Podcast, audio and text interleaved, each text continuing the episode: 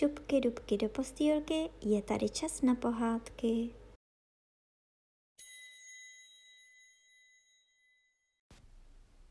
Dnes vám budu povídat pohádku Divoké labutě.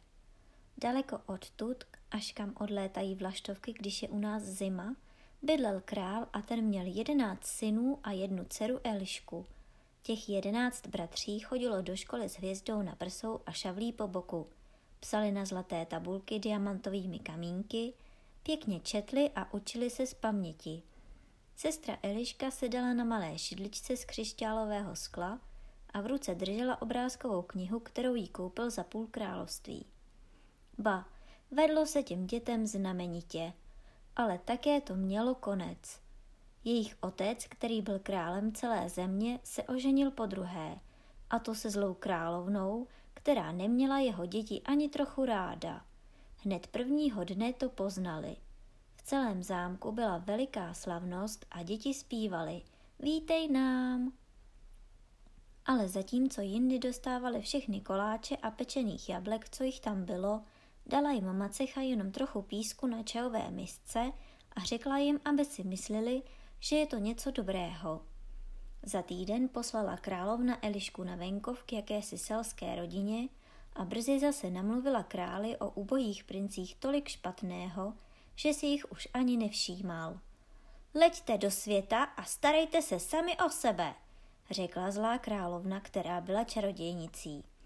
Leďte jako ti velcí ptáci, kteří nemají hlas. Hoši se proměnili v jedenáct krásných divokých chlabutí, a letěli s podivným křikem z oken zámku pryč, přes sad a les. Bylo ještě velmi časně z rána, když labutě letěli okolo domu, kde spala sestřička Eliška v selské světnici. Kroužili nad střechou, otáčeli dlouhé krky a tloukli křídly, ale nikdo je neslyšel ani neviděl. I museli letět dále, vysoko až k mrakům a daleko pryč do širého světa – až doletěli k velkému černému lesu, který se rozprostíral až k mořskému břehu. Ubohá malá Eliška stála v selské světnici a hrála si se zeleným lístkem. Jiné hračky neměla. Prorazila lístkem otvor a dívala se jim na slunce. Tu jí připadalo, jako by viděla jasné oči svých bratří. A kdykoliv jí teplé paprsky sluneční svítily na čelo, vzpomínala na všechny jejich polipky – Den za dnem míjel, jeden jako druhý. Když Vánek povýval velkými růžovými keři před domem, šeptal růžím, kdo by mohl být krásnější nežli vy. Ale růže potřásaly hlavinkami a říkali, Eliška je krásnější. A když v neděli večer se dala stará selka před vraty a četla v modlitbách, tu obracel vítr listy a říkal knize. Byla svatá pravda, co říkali růže a listy. Když bylo Elišce 15 let, měla se vrátit domů. Když však královna viděla, jak je krásná, rozlobila se a krutě na ní zanevřela. Byla by jí ráda proměnila v divokou labuť jako její bratry, ale netroufala si to udělat hned, neboť král chtěl denně svou dceru vidět. Jednou časně z rána šla královna do svých mramorových lázní. Byly vyzdobeny měkkými poduškami a nejkrásnějšími koberci – Královna vzala tři ropuchy, políbila je a řekla jedné. Až se přijde Eliška vykoupat, posaď se jí na hlavu, aby byla lenivá jako ty. Sedni si jí na čelo, řekla druhé, aby byla ošklivá jako ty, aby jí vlastní otec nepoznal. Polož se jí na srdce, pošeptala třetí, aby byla zlá a hodně proto trpěla. Potom hodila ropuchy do jasné vody, která se hned zbarvila do zelena. Zavolala Elišku, odstrojila ji a poslala do vody. Když se ponořila, sedla jí jedna ropucha do vlasů, druhá na čelo a třetí na prsa. Ale zdálo se, že Eliška to nepozoruje. Když se však vzpřímila, plavaly po vodě tři rudé makové květy. Kdyby ropuchy nebyly jedovaté a čarodějnice je nepolíbila, byly by se proměnily v rudé růže, ale květinami se staly přece, neboť byly na dívčině hlavě a u jejího srdce. Eliška byla totiž příliš zbožná a nevinná, aby čáry mohly mít nad ní nějakou moc. Když to zlá královna spatřila, natírala Elišku ořechovou šťávou, až byla temně hnědá. Pomazala její krásný obličej zapáchající mastí a úplně pocuchala její krásné vlasy. Krásná Eliška byla změněna k nepoznání. Když jí otec spatřil, velmi se polekal a řekl, že to není jeho dcera.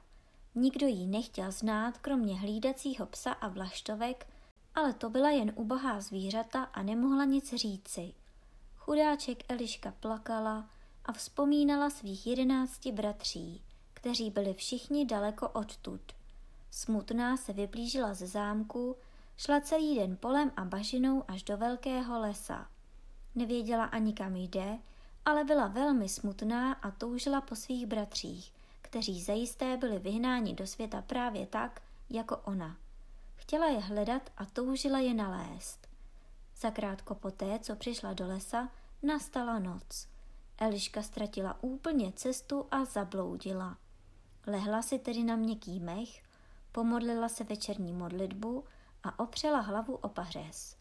Bylo tam ticho, vzduch byl příjemný a kolem dokola zářila na větvičkách, v trávě a na mechu jako zelenavá světelka sta svatojánských broučků.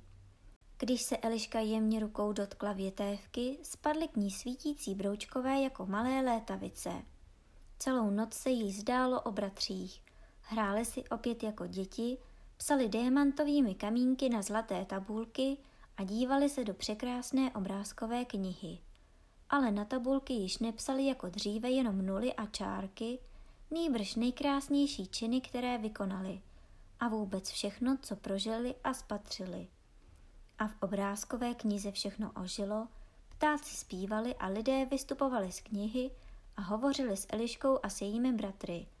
Ale když obrátila list, naskákali hned zase zpátky do knihy, aby se obrázky navzájem nepomíchaly. Když se Eliška probudila, stálo slunce již vysoko na obloze.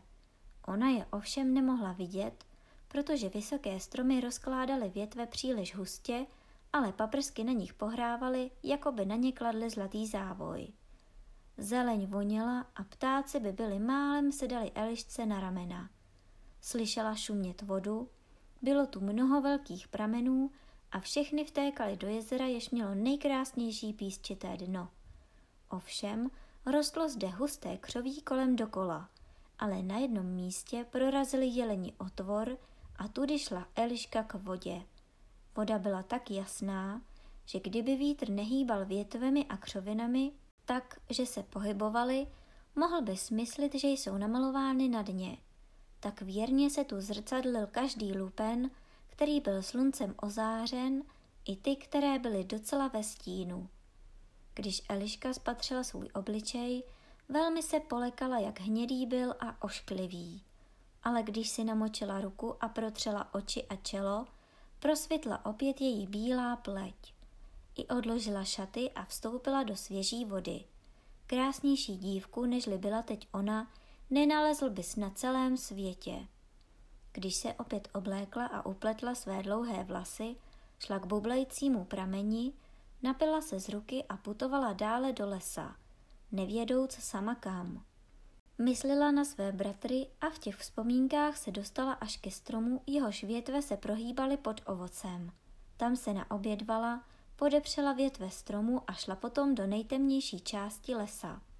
Bylo tam tak ticho, že slyšela vlastní kročeje. Slyšela každý zvadlý lupen, který se pohnul pod její nohou. Ani ptáka nebylo vidět, ani jediný paprsek sluneční, se nemohl prodrat velkými hustými korunami stromů. Vysoké kmeny stály tak blízko u sebe, že když se dívala před sebe, připadalo jí, jako by jí obkličoval hustý tyčkový plot.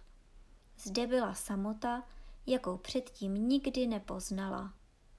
Noc byla velmi temná, ani jediná svatojánská mužka nezářila z mechu. Smutně si Eliška lehla ke spánku. Zdálo se jí, že se koruny stromů nad ní uhýbají stranou a malí andělíčkové vykukují mezi nimi. Když se ráno probudila, nevěděla, Zdali se jí to zdálo, či zda to byla skutečnost. Sotva popošla několik kroků, potkala stařenu, která nesla košík plný jahod. Stařena jí dala několik jahod a Eliška se jí tázala, neviděla-li jet lesem jedenáct princů. To ne, řekla stařena, ale viděla jsem včera jedenáct labutí se zlatými korunkami na hlavách plavat tady blízko po řece. Stařena vedla Elišku kus cesty ke skále, pod kterou tekla řeka. Stromy na březích vztahovaly k sobě dlouhé listnaté větve a kde nemohli na sebe dosáhnout, uvolnili kořeny a vysely nad vodou s větvemi do sebe vzpletenými. Eliška se rozloučila se stařinou a šla podél řeky až tam, kde ústila do velkého otevřeného moře. Celé krásné moře leželo nyní před dívkou, ale ani jediná plachta se na něm neukázala. Nebylo vidět ani jednu lodičku, na které by se dostala dále. Dívala se na nespočetné množství oblázků na břehu, voda je všechny ohladila, že byly úplně oblé. Sklo, železo, kameny, všechno, co sem bylo mořem naneseno, dostalo svou podobu od vody, která přece byla ještě daleko měkčí, nežli Eliščina jemná ruka. Voda je neúnavně válí a tak se ohlazují jejich hrany. Chci být také tak neúnavná. Díky za vaše naučení, vy jasné vzdouvající se vlny. Mé srdce mi říká, že mne jednou ponesete k mým drahým bratřím. Na zeleném pobřeží, vlnami omývaném, leželo jedenáct labutích per. Sebrala je a svázala v kytku. Na níž ještě byly kapky vody, zdali to byla rosa nebo slzy, to nemohl nikdo poznat. Eliška byla na břehu samotná, ale nebylo jí smutno. Dívala se, jak se moře stále měnilo. Když přišel velký černý mrak, bylo to, jako by to chtělo říci. Já také dovedu vypadat zamračeně, ale když zadul vítr, tu se vlny rozhoupaly a zbíjelaly pěnou. Když se však rozhořely červánky a vítr spal, bylo moře jako růžový list. Zelenalo se a opět bělelo. Ale i když odpočívalo nejklidněji, přece bylo pozorovat na břehu jemný pohyb. Voda se tiše zvedala jako hruď spícího dítěte. Když se slunce blížilo západu, spatřila Eliška letět k pevnině jedenáct labutí se zlatými korunkami na hlavách. Letěli za sebou, takže vypadaly jako dlouhá bílá stuha. I vystoupila Eliška na skalní útes a schovala se za křoví. Labutě se snesly blízko ní a tloukly velkými bílými křídly. Jakmile slunce zmizelo pod vodou, spadla z nich náhle labutí podoba a tu stálo jedenáct krásných princů – Eliščiných bratří. Vyrazila hlasitý výkřik. Třeba se velmi změnili, přece věděla a cítila, že to jsou a musí být oni. I vletěla jim do náručí, nazývala jej jmény a oni byli velice šťastní, když spatřili a poznali svoji sestřičku, která byla nyní již veliká a krásná. Smáli se a plakali a hned si řekli, jak k ním všem byla jejich macecha zlá. My, bratři, řekl nejstarší, lítáme jako divoké labutě, dokud slunce stojí na nebi. Když zapadne, nabudeme lidské podoby. Proto musíme po každé hledět, abychom ještě před slunce západem měli na čem spočinout nohama. Kdybychom ještě potom letěli v mracích, museli bychom se jakožto lidé zřítit do hloubky. Tady nebydlíme, na druhé straně moře leží právě tak krásná země, jako je tato, ale cesta tam je daleká. Musíme přes veliké moře a na cestě není žádný ostrůvek, kde bychom mohli přenocovat. Jenom osamělý malý útes trčí uprostřed nad vodou a ten je tak malý, že na něm můžeme jen těsně vedle sebe spočinout. Když je moře rozbouřeno, stříká voda vysoko nad nás. Tam přenocujeme ve své lidské podobě bez toho útesu bychom nikdy nemohli spatřit svou drahou odčinu, neboť ke svému letu potřebujeme dvou nejdelších dní v roce. Jenom jednou za rok je nám dopřáno navštívit domov. Jedenáct dnů zde smíme zůstat, vzlétnout na tento veliký les, odkud můžeme vidět zámek, v němž jsme se narodili a kde bydlí otec, a spatřit vysokou věž kostela, v němž je pohřbena matka. Tady se nám zdá, že stromy a křoviny jsou s námi zpřízněny. Zde se prohánějí po rovinách divocí koně, jak jsme je výdali v dětství. Tady zpívá uhlíř v lese staré písně, podle nich jsme tančívali jako děti. Zde je naše otčina. Sem nás to váví a tady jsme našli tebe, drahá sestřičko. Dva dny tu ještě smíme zůstat, potom musíme pryč přes moře do krásné země, která však není naší rodnou krajinou. Jak tě vezmeme sebou? Nemáme ani loď, ani člun. Jak bych vás mohla zachránit? ptala se sestra.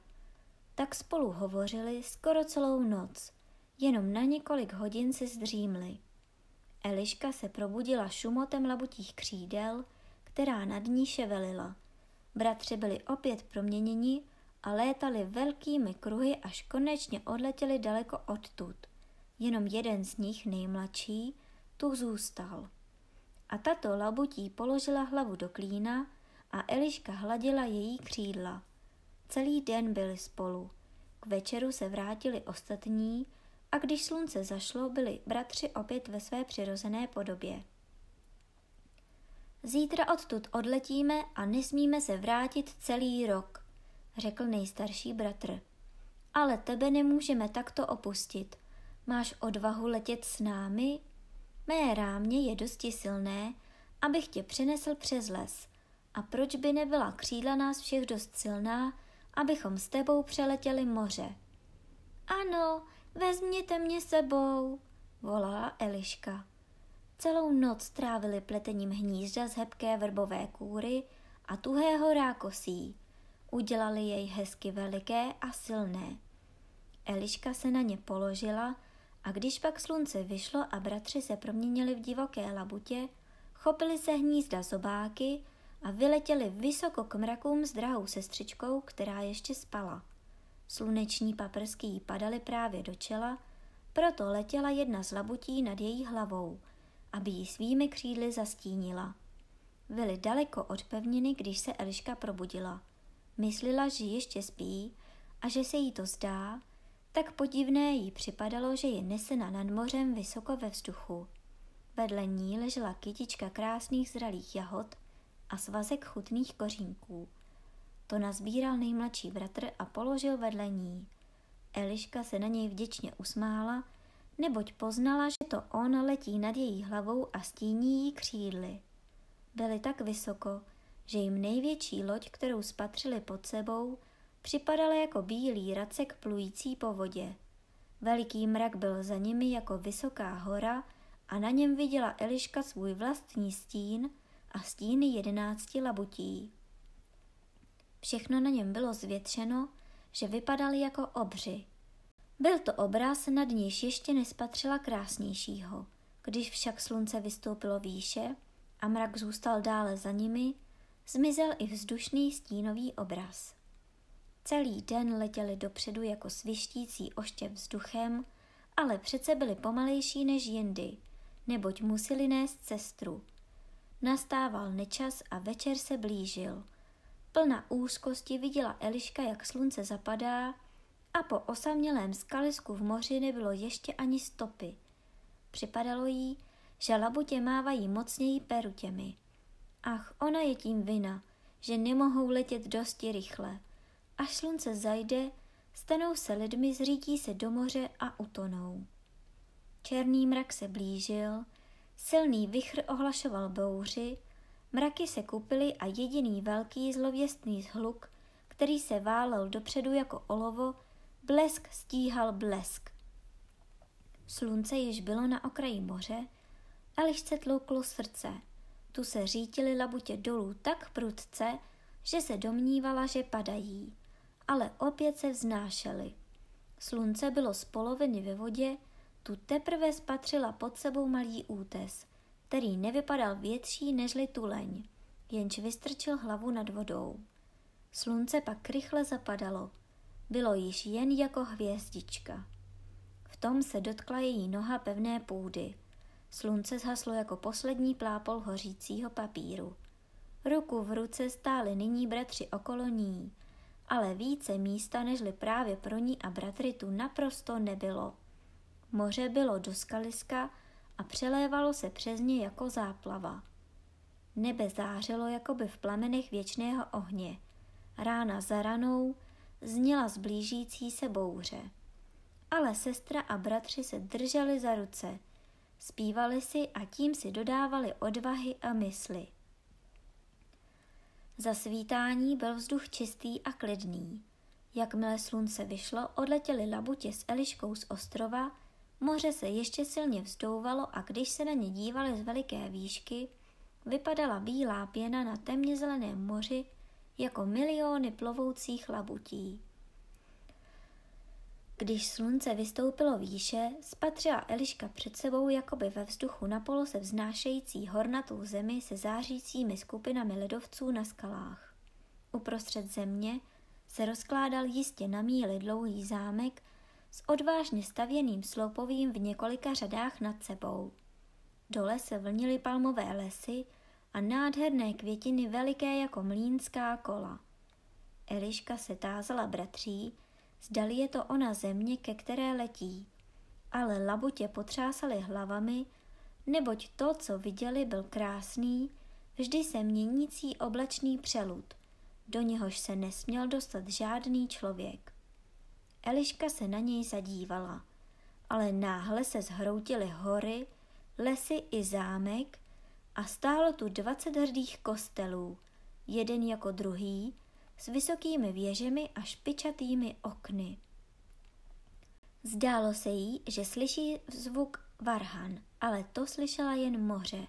Již byly kostely docela na blízku, ale tu se proměnily v celé loďstvo, které pod ní plulo.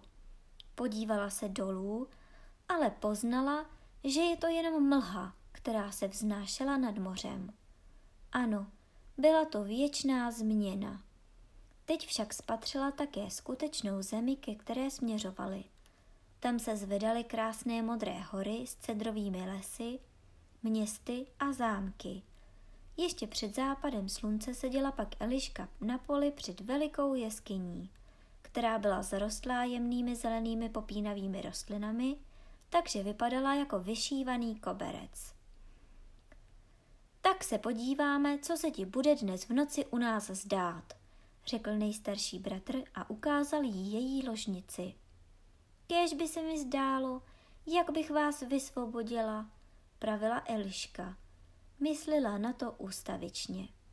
Zdálo se jí, že letí vysoko do vzduchu k zámku onoho přeludu v mracích a že jí přichází vstříc víla, velmi krásná a zářící, ale přece úplně podobná staré ženě, která jí dala v lese jahody a vypravovala jí o labutích se zlatými korunkami. Tvoje bratry je možno vysvobodit, řekla. Ale máš k tomu odvahu a vytrvalost?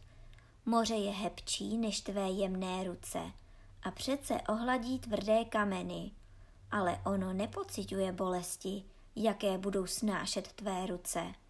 Nemá srdce, netrpí úzkostí a bolem, ty však musíš vše vydržet.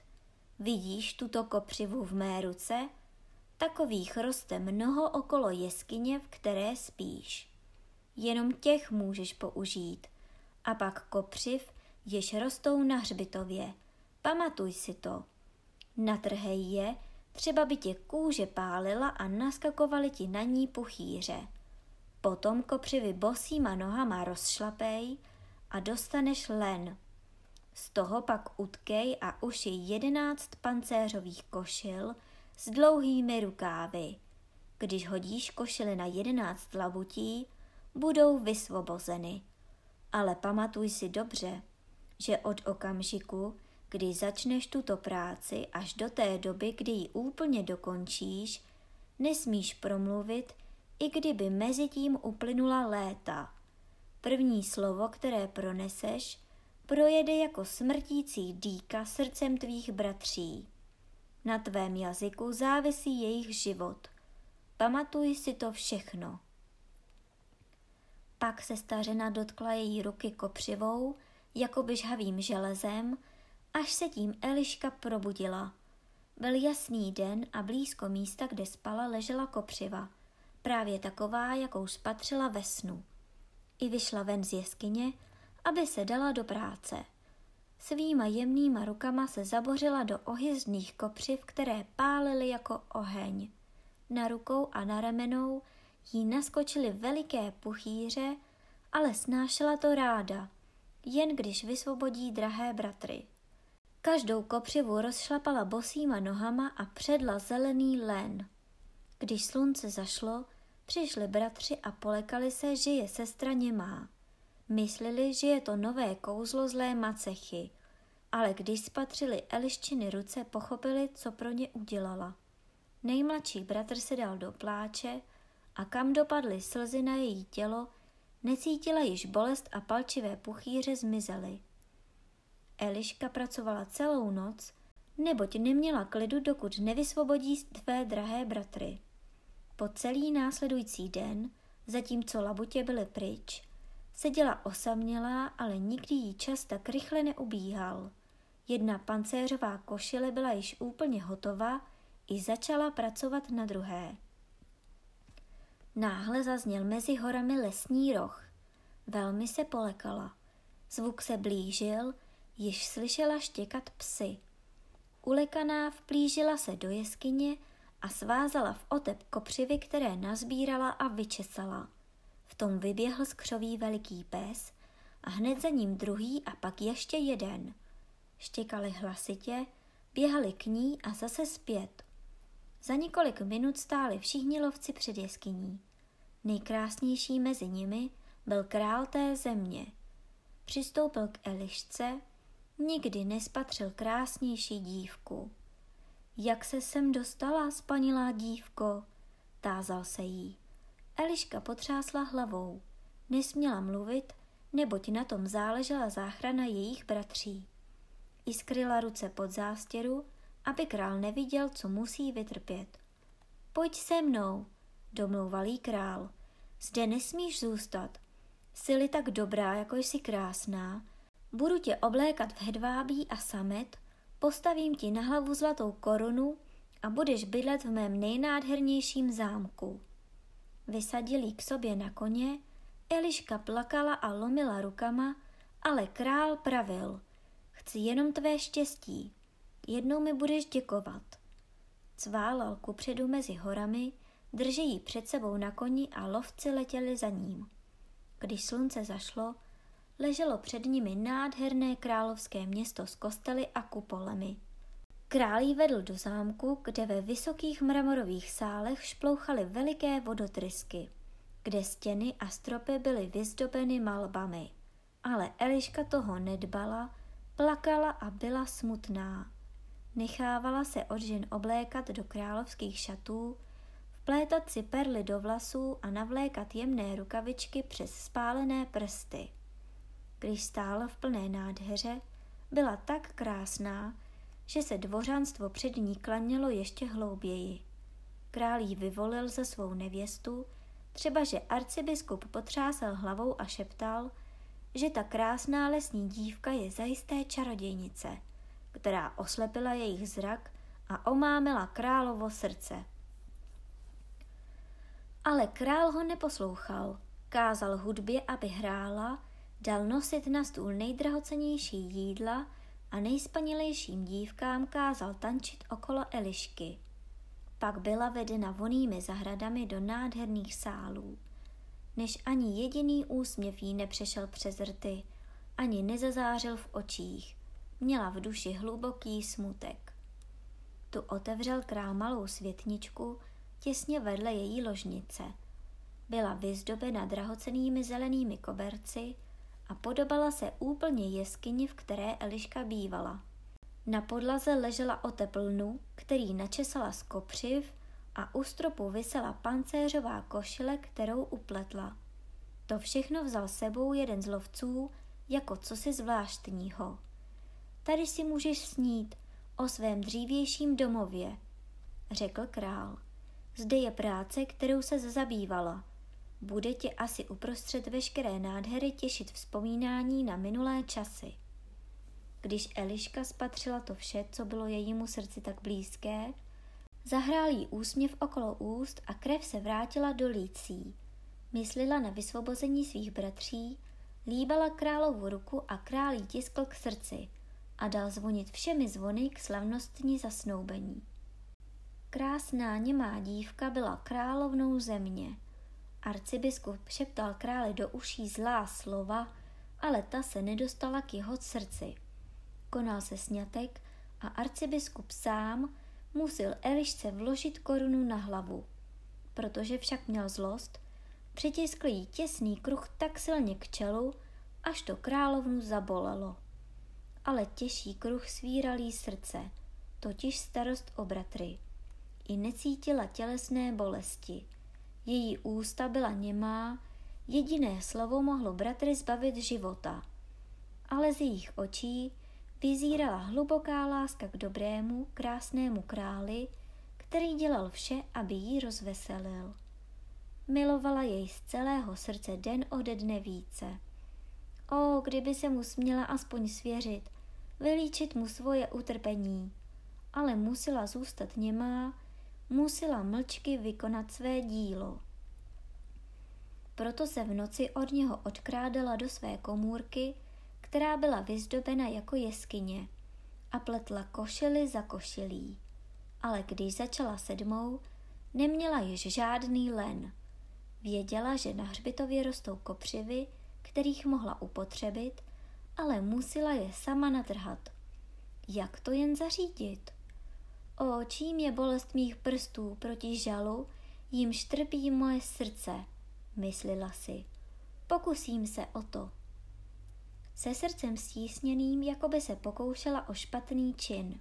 Vyplížila se za měsíční noci do zahrady. Šla dlouhými álejemi a pak venku liduprázdnými ulicemi ke hřbitovu. Tu spatřila na nejširším náhrobku sedět společnost ježibab, ohyzdných čarodějnic, které svlékaly své hadry, jako by se chtěli koupat. A potom hrabali svými dlouhými hubenými prsty v nových hrobech. Vyndávali z nich mrtvoly a jedli jejich maso. Eliška musela jít okolo nich a oni na ní upírali zlé oči, ale ona jen sbírala palčivé kopřivy a odnesla je domů do zámku.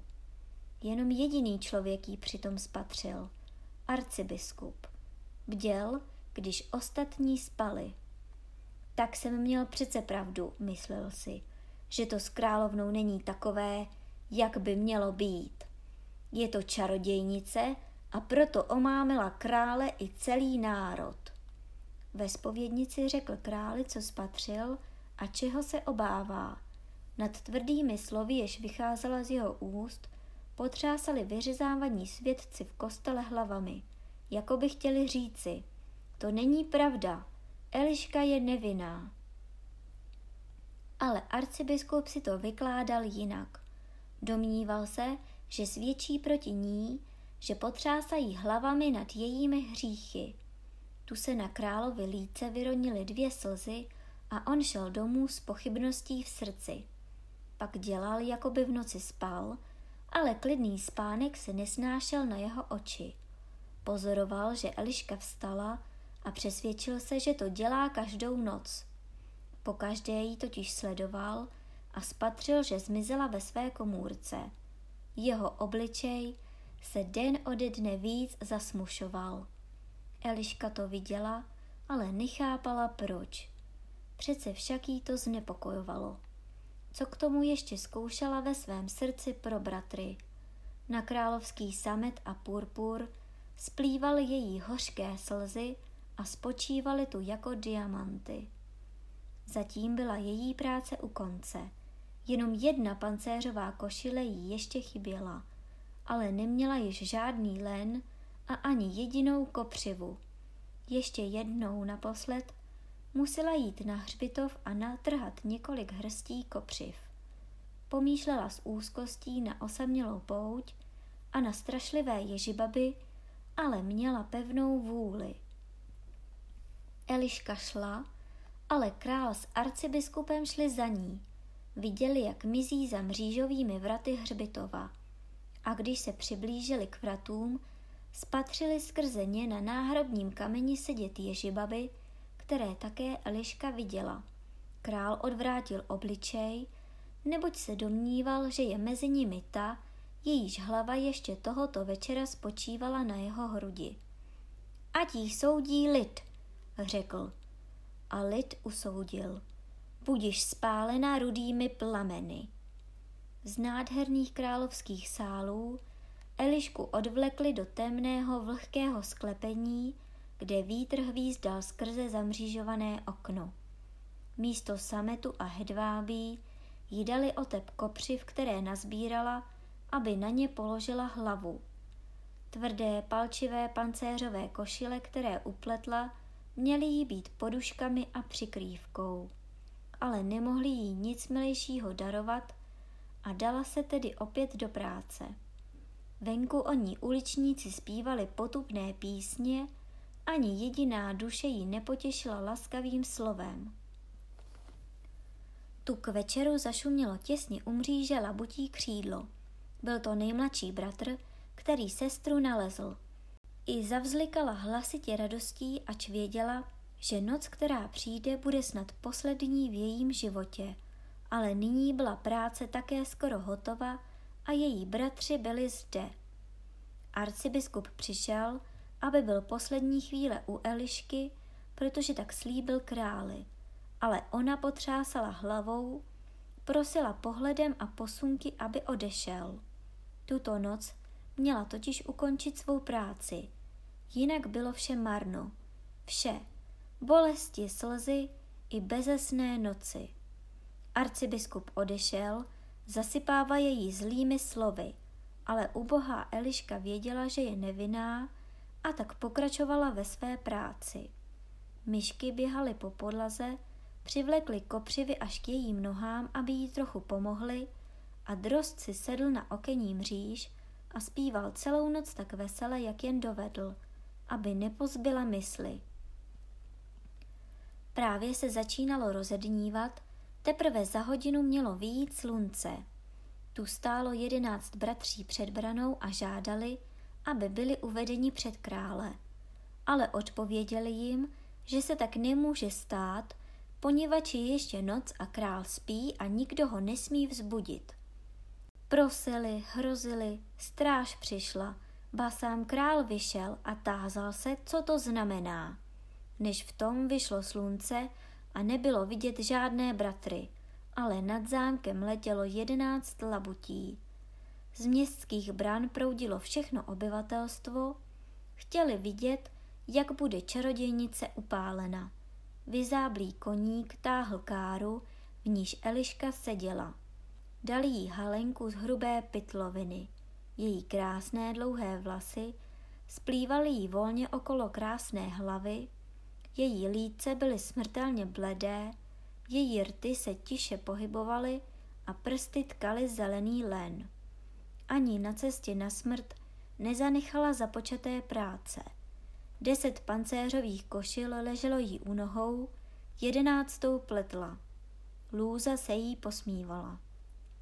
Podívejte se na čarodějnici, jak brumlá. Ani nemá v ruce modlitební knihu. Zabývá se jenom ohavnými čáry.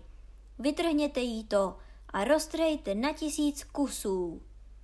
A všichni se k ní tlačili a chtěli to roztrhat. V tom přiletělo jedenáct bílých labutí, sedli si kolem ní na káru a tloukli svými velkými křídly. Tu ustoupil zástup stranou. To je znamení z nebe, je zajisté nevinná, šeptali mnozí, ale netroufali si to říci nahlas. Tu jí uchopil Katův holomek za ruku, ale ona spěšně hodila o něch jedenáct košil na labutě a již tu stálo jedenáct krásných princů. Nejmladší měl jedno labutí křídlo místo jednoho ramene, neboť scházel rukáv u jeho pancéřové košile – kterou Eliška nedokončila. Nyní smím mluvit, řekla. Jsem nevinná. A lid, který spatřil, co se událo, ukláněl se před ní jako před světicí. ale ona klesla jako bez života do náručí bratrů. Tak jí přemohli strach a bolest. Ano, je nevinná, řekl nejstarší bratr a vypravoval vše, co se událo. A co takto povídal, šířila se kolem vůně jako z milionů růží, neboť každé poleno na hranici, na které měla být upálena, zapustilo kořeny a vyhnalo větve. Stálo tu voné křoví, velmi vysoké a husté, plné růží. Nejvýš byl běloskvoucí květ, který svítil jak hvězda. Ten utrhl král a připevnil Elišce na prsa. Tu se probudila z s klidem a radostí v duši a všechny kostelní zvony se sami rozhlaholily a ptáci přilétali ve velkých hejnech. Zpět do zámku se vracel svatební průvod, jaký ještě žádný král nespatřil.